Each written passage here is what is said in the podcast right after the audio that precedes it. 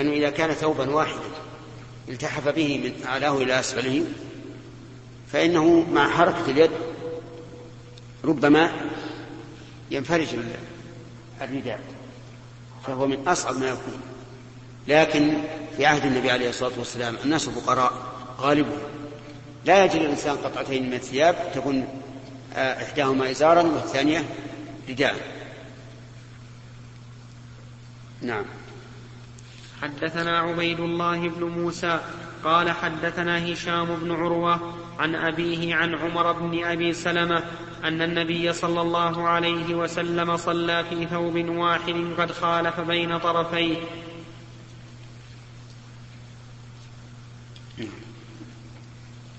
حدثنا محمد بن المثنى قال حدثنا يحيى قال حدثنا هشام قال حدثني أبي عن عمر بن أبي سلمة أنه رأى النبي صلى الله عليه وسلم يصلي في ثوب واحد في بيت أم سلمة قد ألقى طرفيه على عاتقيه. عمر بن أبي سلمة ما صلته بالنبي صلى الله عليه وسلم؟ أي نعم ربيع ابن زوجته أم ابن زوجه أم سلمة. نعم. حدثنا عبيد بن إسماعيل قال حدثنا أبو أسامة عن هشام عن أبيه أن عمر بن أبي سلمة أخبره قال رأيت رسول الله صلى الله عليه وسلم يصلي في ثوب واحد مشتملا به في بيت أم سلمة واضعا طرفيه على عاتقيه حدثنا إسماعيل بن أبي أويس قال حدثني, قال حدثني مالك بن أنس عن أبي النضر مولى عمر بن عبيد الله أن أبا مرة مولى أم هانئ بنت أبي طالب أخبره أنه سمع أم هانئ بنت أبي طالب تقول ذهبت إلى رسول الله صلى الله عليه وسلم عام الفتح فوجدته يغتسل وفاطمة ابنته تستره قالت فسلمت عليه فقال من هذه؟ فقلت أنا أم هانئ بنت أبي طالب. فقال مرحبا بأم هانئ فلما فرغ من غسله قام فصلى ثماني ركعات ملتحفا في ثوب واحد. فلما انصرف قلت يا رسول الله زعم ابن أمي أنه قاتل رجلا قد أجرته. فلان فلان ابن فلان ابن هبيرة. فقال رسول الله صلى الله عليه وسلم قد أجرنا من أجرت يا أم هانئ. قالت أم هانئ وذاك ضحى. في هذا الحديث دليل على جواز أن يؤجر الإنسان إنسانا من الحربيين. ويكون في أمانه وفي جواره. ولا يحل لأحد بعد ذلك أن يهتك هذا الجوار وقول الرسول عليه الصلاة والسلام قد أجرنا من أجرت هل هو حكم شرعي أو تنظيمي؟ أكثر العلماء على أنه حكم شرعي. يعني أن الواحد من المسلمين إذا آجر أحدا فإنه يثبت له حكم الجوار وأما إذا قلنا حكم تنظيمي فمعناه أن الرسول أجاز ذلك وليس حكما عاما ولكن الأصل أنه حكم عام. طيب وفيه أيضا دليل على أنه يصلي الضحى ولكن العلماء اختلفوا في صلاة الضحى في مكة حين فتح النبي صلى الله عليه وعلى آله وسلم هل هو صلاة ضحى أو صلاة فتح؟ فمن العلماء من قال إنها صلاة فتح ومن من قال إنها صلاة ضحى. وإذا شككنا فالأمر الظاهر أنها صلاة ضحى. فيحمل عليه نعم. نعم.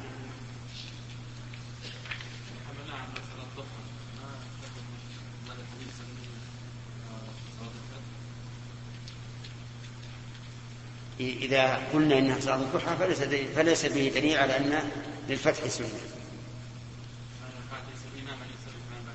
نعم. لا هي المسألة فيها خلاف.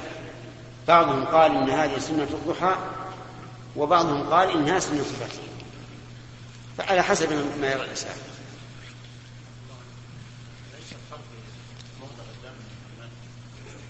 بلى. يجوز هنا يجوز. يجوز نعم يجوز. لأن لأن الجوار يصح من كل من كل واحد. وأما عقد الذمة فلا يصح إلا من من الإمام أو نائبه.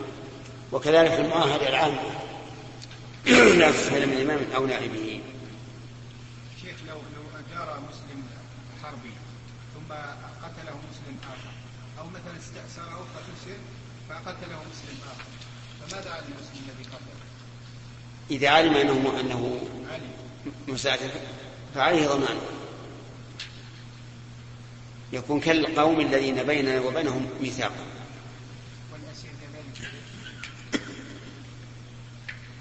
والأسير نعم الأسير في الغالب أنه مستأمن. وهو في تحت قبضة المسلمين الآن. نعم. حدثنا عبد الله بن يوسف قال أخبرنا مالك عن ابن شهاب عن سعيد بن المسيب عن أبي هريرة أن سائلا سأل رسول الله صلى الله عليه وسلم عن الصلاة في ثوب واحد فقال رسول الله صلى الله عليه وسلم اولكلكم ثوبان. يعني كانه يقول إنها جائزة لأنه ليس كل إنسان يستطيع أن يكون له ثوبان. ولو كانت غير جائزة لقال لا ألزم الناس أن يشتروا ثوبا آخر.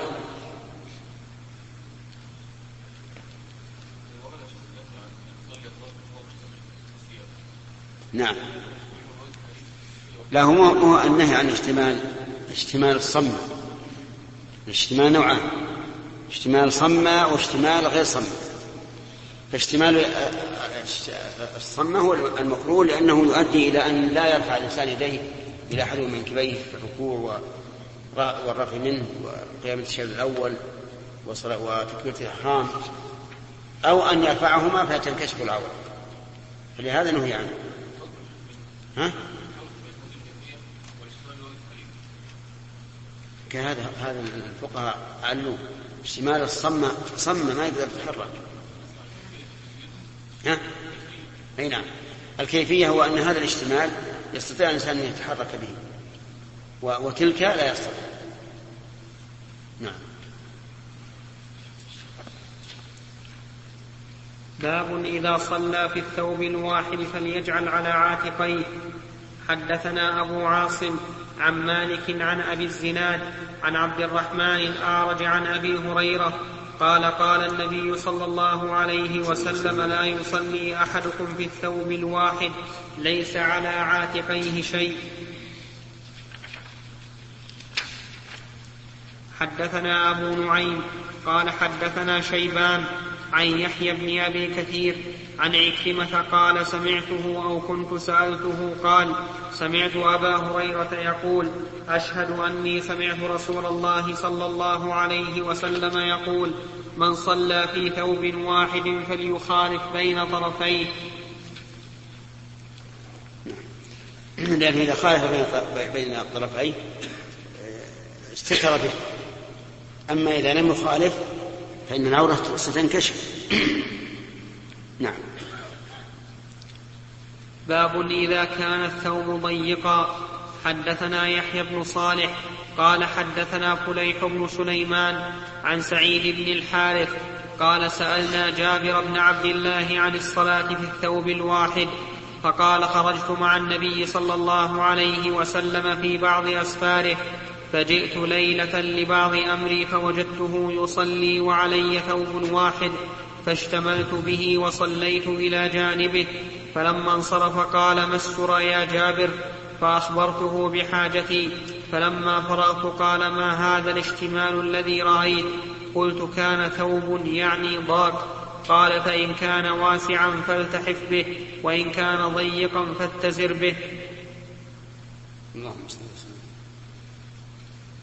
حدثنا مسدد قال هذه القصة تضاف إلى قصة ابن عباس وابن مسعود وحذيفة في جواز صلاة الليل جماعة.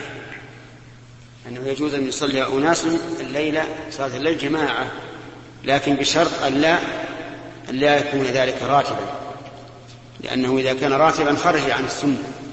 لكن إذا فعله الإنسان أحيانا وأيقظ صاحبه وقال صل معي لينشطه أو زاره صاحب له أو نزل عنده ضيفا وصلى معه صلاة الليل فكل هذا لا بأس به نعم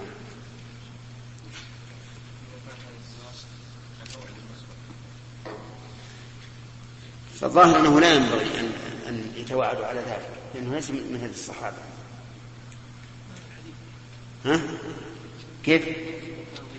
نعم. إذا كان ضيقا في التزرب يعني قصد قصيرا لا يشمل البدن كله. فهذا يجعله إزارا ويصلي بلا, بلا رداء.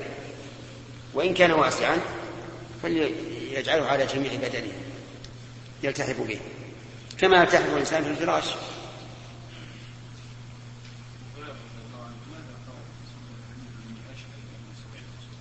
تأكيدا.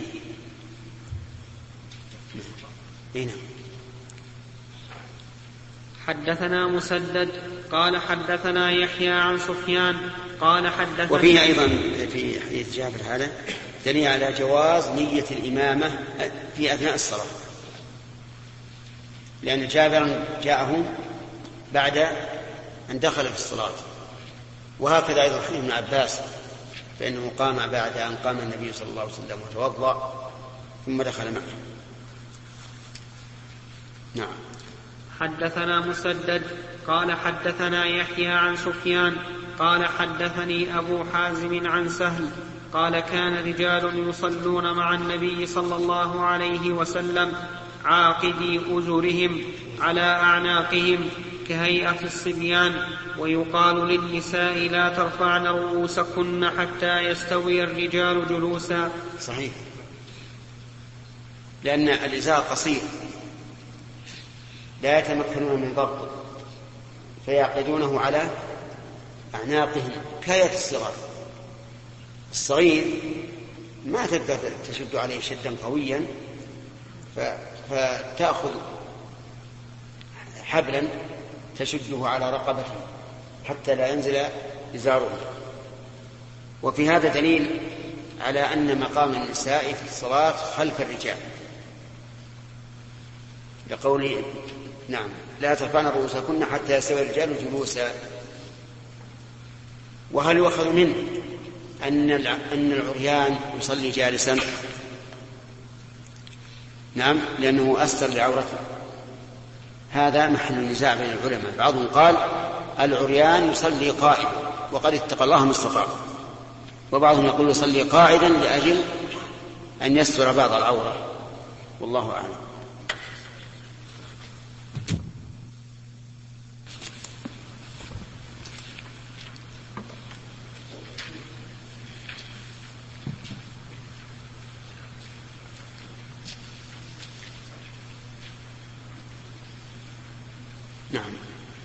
بسم الله الرحمن الرحيم.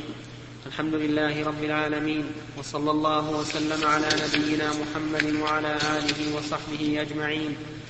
قال المؤلف قال البخاري رحمه الله تعالى في كتاب الصلاة في الثياب من صحيحه باب الصلاة في الجبة الشامية باب الصلاة في الجبة الشأمية. وقال الحسن في الثياب ينسجها المجوس. باب الصلاة؟ في الجبة الشأمية. الشأمية نعم. عندكم نسخة في هذا؟ ها, ها؟ إن بالألف والهم؟ نعم. نعم. وقال الحسن في ما إحنا ما عندنا همزة نعم. ما إيش؟ إيه لكن هذا ضبطه العيني العين العين. لمعك العيني نعم. وقال الحسن في الثياب ينسجها المجوسي لم ير بها بأسا. وقال معمر رأيت الزهري يلبس من ثياب اليمن ما صبغ بالبول. وصلى علي في ثوب غير مقصور. نعم. أما الصلاة في الجبهة الشامية فجواز الصلاة فجوازها واضح. لأن الأصل الطهارة. حتى وإن كان قد نسجها النصارى أو نحوهم فإن الأصل الطهارة. وأما وكذلك القول الحسن في الثياب ينسجها المجوسي لم ير بها بأسا. لأن الأصل أيضا الطهارة. وقال وقال معمر رأيت الزهري يلبس من ثياب اليمن ما صبغ بالبول. فيريد بذلك البول الطاهر كبول الإبل والغنم والبقر وما أشبه ذلك. أما ما صبغ بالبول النجس فهذا بعيد أن يريده الزهري رحمه الله. هذا إن صح الأثر عنه مع أن صنيع البخاري يدل على أنه يرى أنه صحيح لأنه ذكره معلقا جازما به. والبخاري إذا ذكر الأثر أو الحديث معلقا جازما به فهو عنده صحيح. طيب. وصلى علي في ثوب غير مقصور غير مقصور. لأن القصر الغسل ومنه قولهم القصار يعني غسال الثياب. انظر للأثر أن زهري.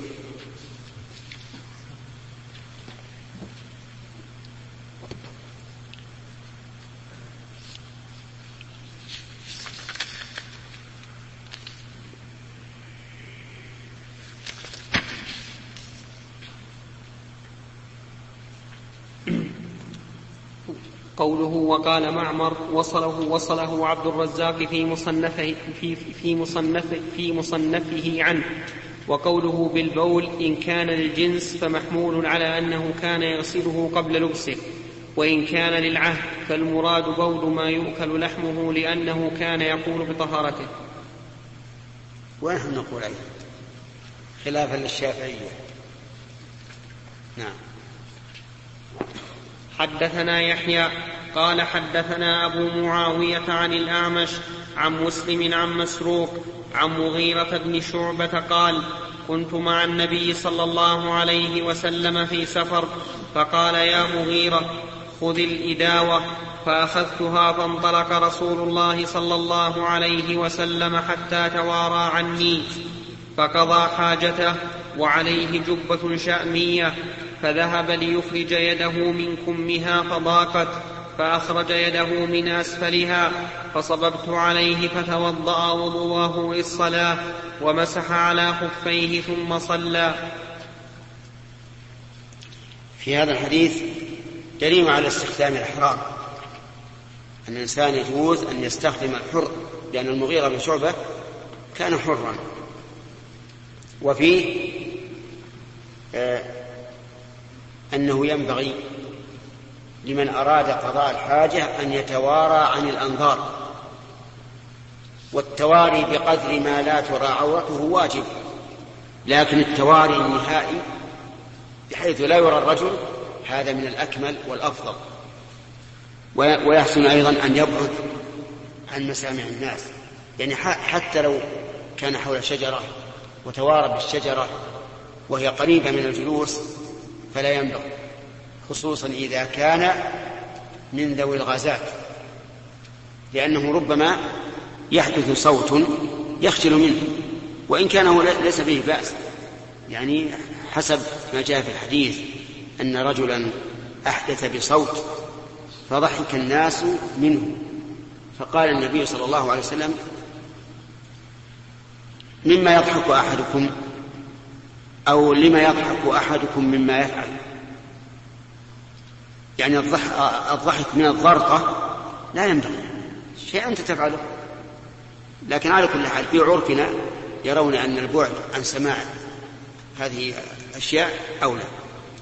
وفيه أيضا أنه لا يمسح على ما يستر اليد والذراع بخلاف ما يستر الرجل. والدليل أنها لما ضاقت أخرج يده من أسفلها. ولو كان يمسح عليها لمسح. وأما الرجل فيمسح عليها إذا سترت بالجورب والخف لأن لأن الرجل تحتاج إلى الدراية والعناية بها أكثر من غيرها. وفي الحديث أيضا جواز المسح على الخفين لقوله ومسح على خفين. نعم.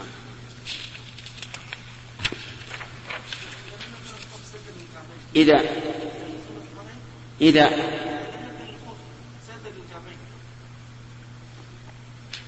هنا هذا محل خلاف. منهم من يقول العبرة بمشقة النزع فمتى شق نزعه وإن لم الكعبين جاز المسح عليه. نعم.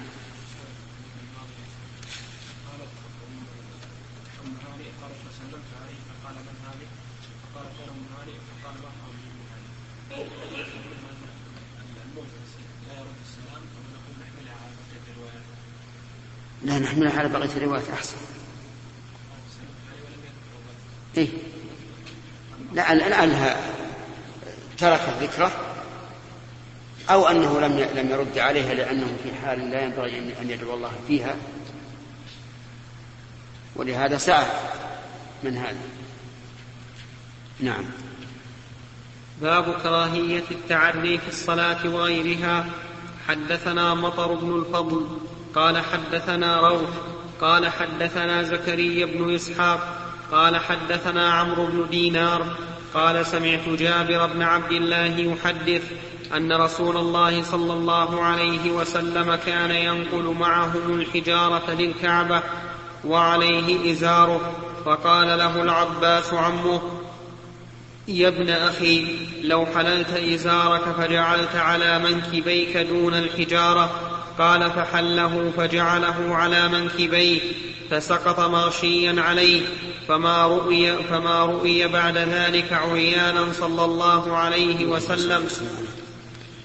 قول, قول البخاري باب كراهية التعري. المراد بالكراهية هنا كراهية التحريم. لا شك بذلك. وكان السلف يطلقون المكروه على المحرم.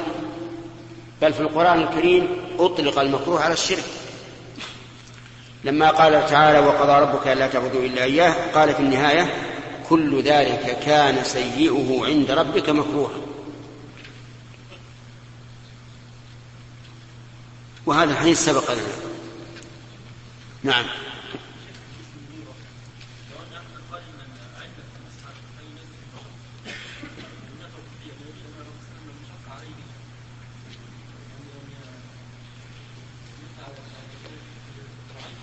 هذا ليس محل ليس محل المس أصلا.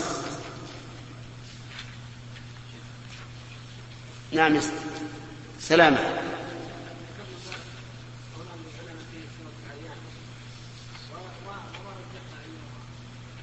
كيف؟ في في صلاة العريان؟ ها؟ ها هل, هل يكون قائما أو قاعدا؟ إي نعم ونحن نذكر الآن قولين. نذكر قولين نعم. نعم. إيش؟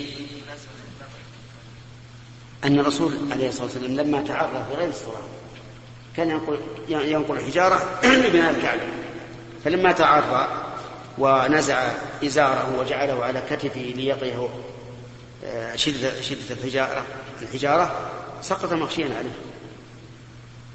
يعني أن هذا علامة أن الله لم يرضى هذا الشيء. إيش؟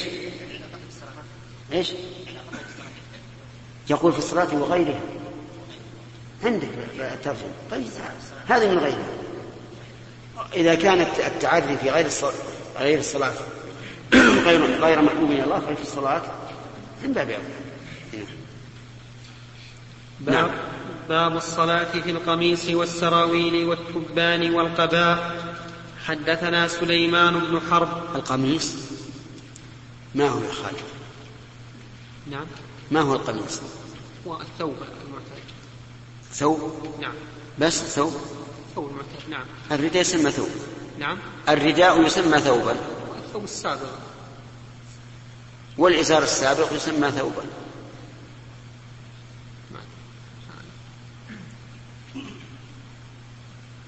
القميص شفت عليك الآن.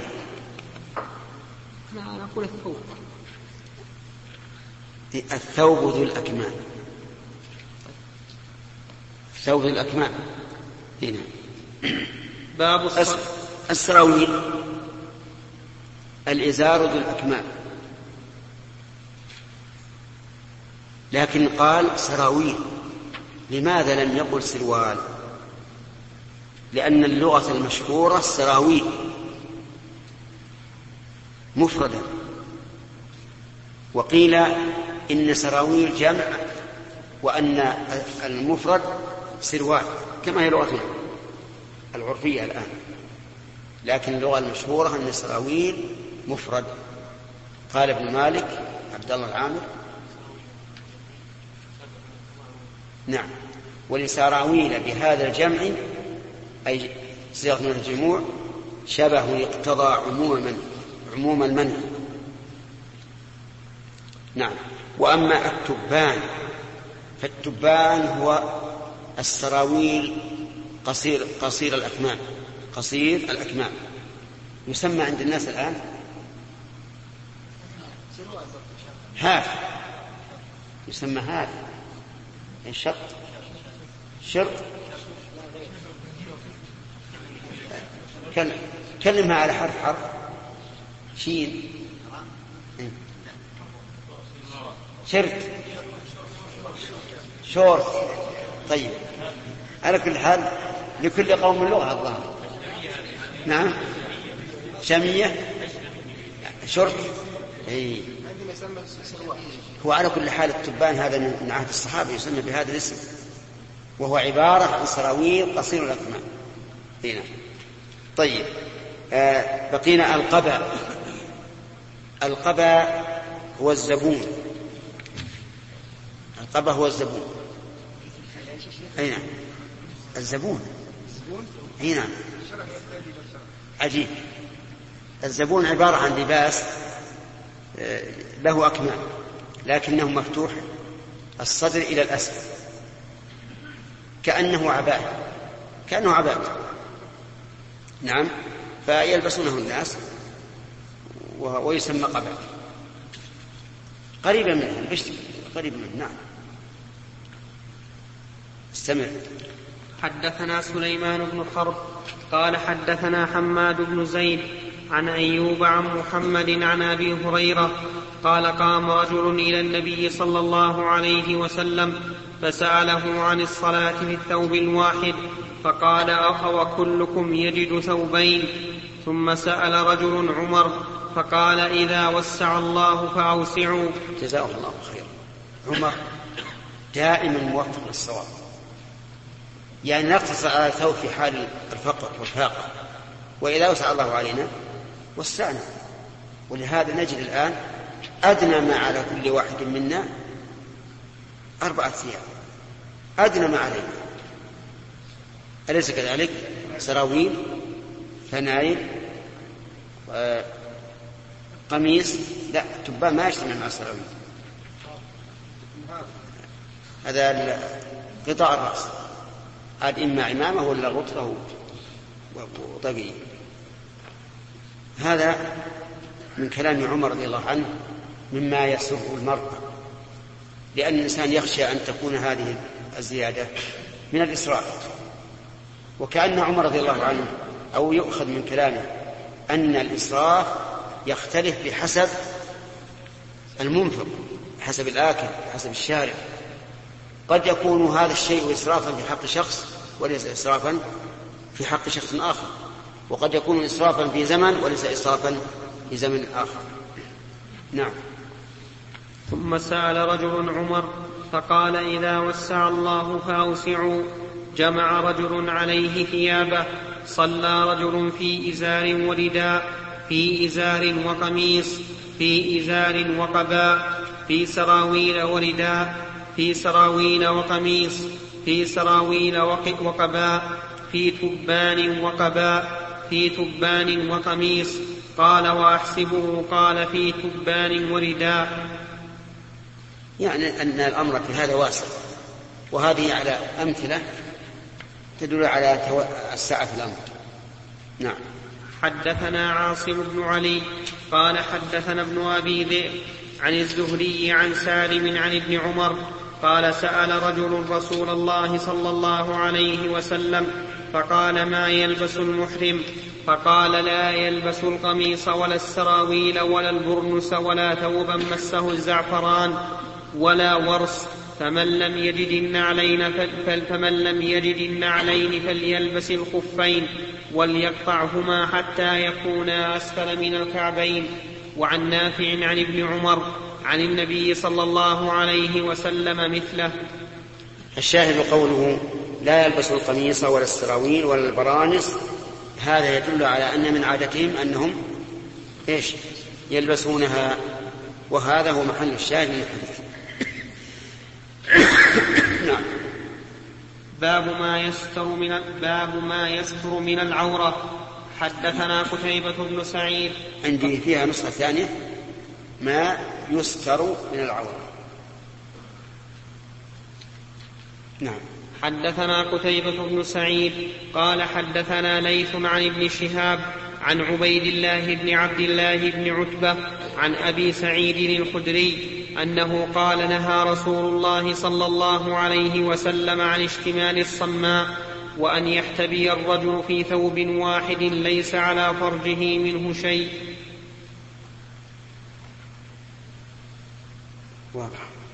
حدثنا قبيصة بن عقبة قال حدثنا سفيان عن أبي الزناد عن الأعرج عن أبي هريرة قال نهى النبي صلى الله عليه وسلم عن بيعتين عن اللماس والنباذ وأن يشتمل الصماء وأن يحتبي الرجل في ثوب واحد. نعم. عن بيعتين اللماس والنباذ. اللماس أن يقول البائع للمشتري أي أي ثوب لمست فعليك بكذا. هذا جهل عظيم لأن المشتري قد يلمس ثوبا يساوي ألفا والبائع يظن أنه لا, لا يلمس إلا ثوبا يساوي عشرة مثلا. فيكون في هذا غرر وجهال النباذ يقول المشتري للبائع. أي ثوب نبذت إلي فعلي بكذا. يظن أنه سينبذ عليه ثوبا يساوي مئة فنبذ إليه ثوبا يساوي لا بالعكس عشرة. النابذ هو البائع. اللامس مشتري والنابذ بائع. ففيه جهالة هذا لا شك أنه جهالة ظاهرة. وفيه أيضا ثالث لكن ما ذكر في الحديث وهو بيع الحصاة الحصاة بيع الحصاة يقول البايع للمشتري ارمي الحصاة على هذه الثياب. أي ثوب وقع عليها فهو لك عليك بكذا هذا جهالة جهالة من الطرفين أو من طرف واحد. هو في حق البائع واضح جهل. جهاله ظاهر. في حق المشتري قد يصيب الهدف. قد يصوب الحجر إلى ثياب يريده كأنما لم يصب. فيصيب الهدف. فهو غرض على كل حال أما في جانب البائع فظاهر وأما في جانب المشتري فقد يكون غرضا وقد يكون غير غرض. ومن بيع الحصاة أيضا أن يقول احذف الحجر فإلى أي مدى وصل من الأرض فهو عليك بكذا البائع يظن أن المشتري ضعيف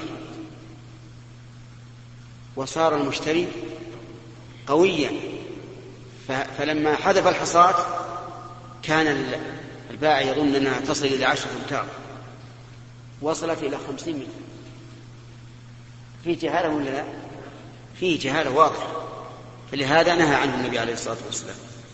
الثاني يقول وأن يشتمل الصماء هو محل الشاهد. الصم هذه صفة لمحذوف. التقدير الشملة الصمة التي لا يستطيع الإنسان يفتح يديه فيها. لو فتح يديه انكشفت العورة. الثالث أن يحتبي الرجل في ثوب واحد. أن يحتبي في ثوب واحد. الاحتفاء الاحتباء أن يضم الإنسان ساقيه إلى فخذيه ويمكن مقعدته من الأرض ثم يلف الثوب عليه. إذا كان ليس عليه إلا ثوب واحد فإن عورته ستبدو من من أي جوانب؟ من فوق. فلهذا نهي أن يحتبي بثوب واحد. أما إذا كان عليه ثوبان مثل أن يكون عليه إزار وعليه رداء فاحتبى فاحتبى بالرداء فهذا لا بأس به. طيب إن احتبى بيديه فيه بأس؟ نعم لا بأس به. إن احتبى بسيف كما يفعل بعض الناس في المساجد الكبار تجد الرجل يحتبي بسيف يربطه على ظهره مارا بساق. هذا لا بأس نعم.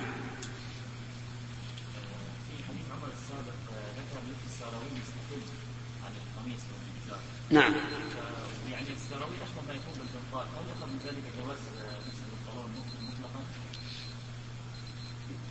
صلى رجل في إزار ورداء في إزار وقميص في إزار وقباء في سراويل ورداء في سراويل وقميص في سراويل وقباء في تبان وقباء في تبان وقميص وين؟ ها؟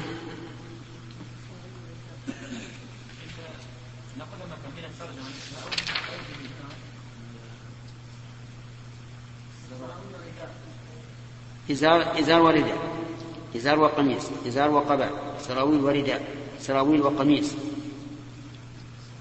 سراويل وقباء تبان وقباء تبان وقميص تبان ورداء. ها؟ ما جاء السراويل؟ إيش يقول باب الصلاة في القميص والسراويل والتبان. يعني مع بعضهم مع بعض.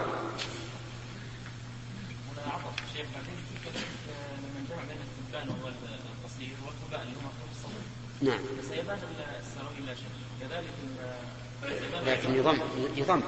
القبا يضم بعضه إلى بعض مثل ما مثل ما نفعل الآن في المشلح. من يعني لم يجد السراويل. من لم يجد لا بأس.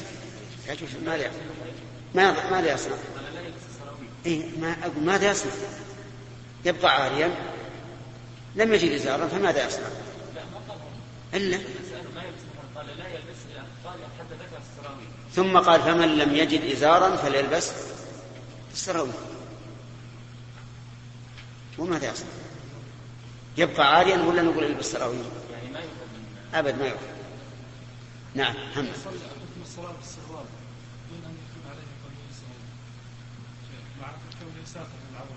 نعم.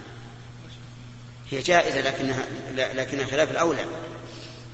فإن كان السروال ضيقا فقد تكون حراما لأنه لم يستر تماما. نعم. حدثنا إسحاق قال حدثنا يعقوب بن إبراهيم قال حدثنا ابن أخي بن شهاب عن عمه قال أخبرني حميد بن عبد الرحمن بن عوف أن أبا هريرة قال بعثني أبو بكر في, تل في تلك الحجة في مؤذنين يوم النحر. نؤذن بمنى. ألا لا يحج بعد العام مشرك ولا يطوف بالبيت عريان. قال حميد بن عبد الرحمن ثم أردف رسول الله صلى الله عليه وسلم عليا فأمره أن يؤذن أن يؤذن ببراءة. قال أبو هريرة فأذن معنا علي في أهل منى يوم النحر. لا يحج بعد العام مشرك ولا يطوف بالبيت عريان. نعم. انتهى. كيف؟ ما أعلم الساعة. أعلم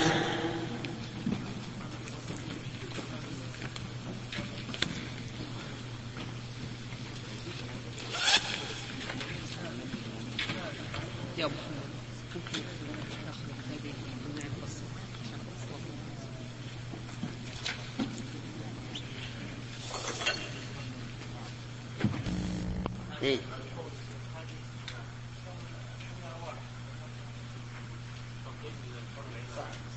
إيه لكن اللي في ذا الصباح في ذا الصباح. الليلة؟ لا نخليها للصباح إن شاء الله. للصباح كأنك لم تفهم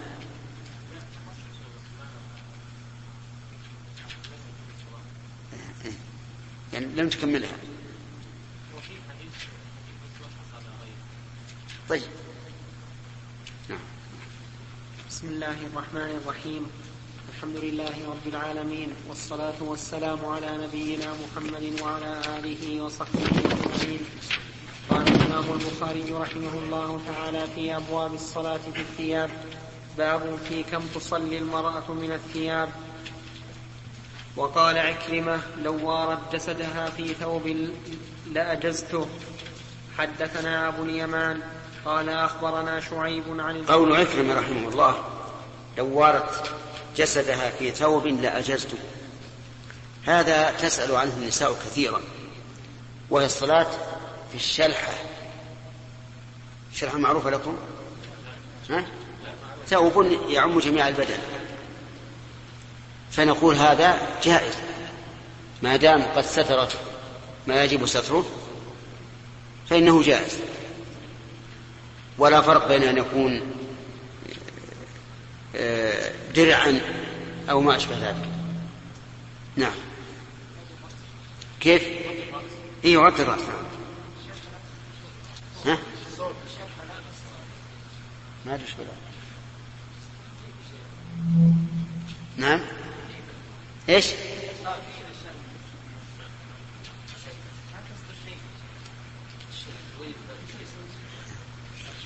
سبحان الله العظيم والله من عجائب. يعني لو لو لو صلت بغير الشلحه بثياب أخرى وهي خفيفة ما أجزأت. الكلام على شلحه تستر.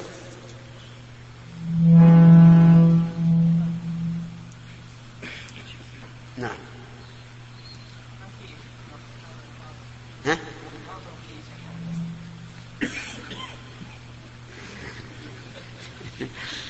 لا تظن أن فيه شرح تستر؟ هل أنت دخلت بيوت جميع الناس؟ نعم. لا يا أخي.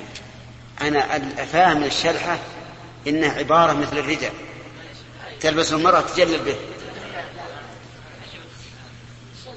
قميص الشلحة إيه لكن هي لها أكمام. طيب هذا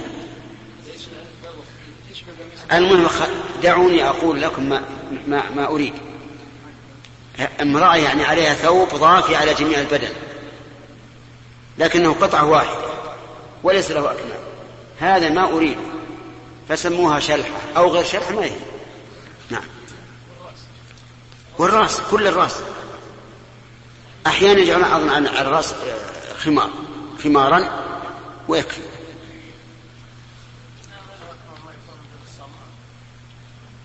لا. الصمة بارك الله فيك اللي ما يستطيع أن يخرج يديه معه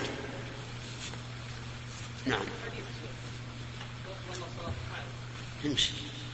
حدثنا أبو اليمان قال أخبرنا شعيب عن الزهري قال أخبرني عروة أن عائشة قالت لقد كان رسول الله صلى الله عليه وسلم يصلي الفجر فيشهد معه نساء من المؤمنات متلفعات في مروطهن ثم يرجعن إلى بيوتهن ما يعرفهن, ما يعرفهن أحد.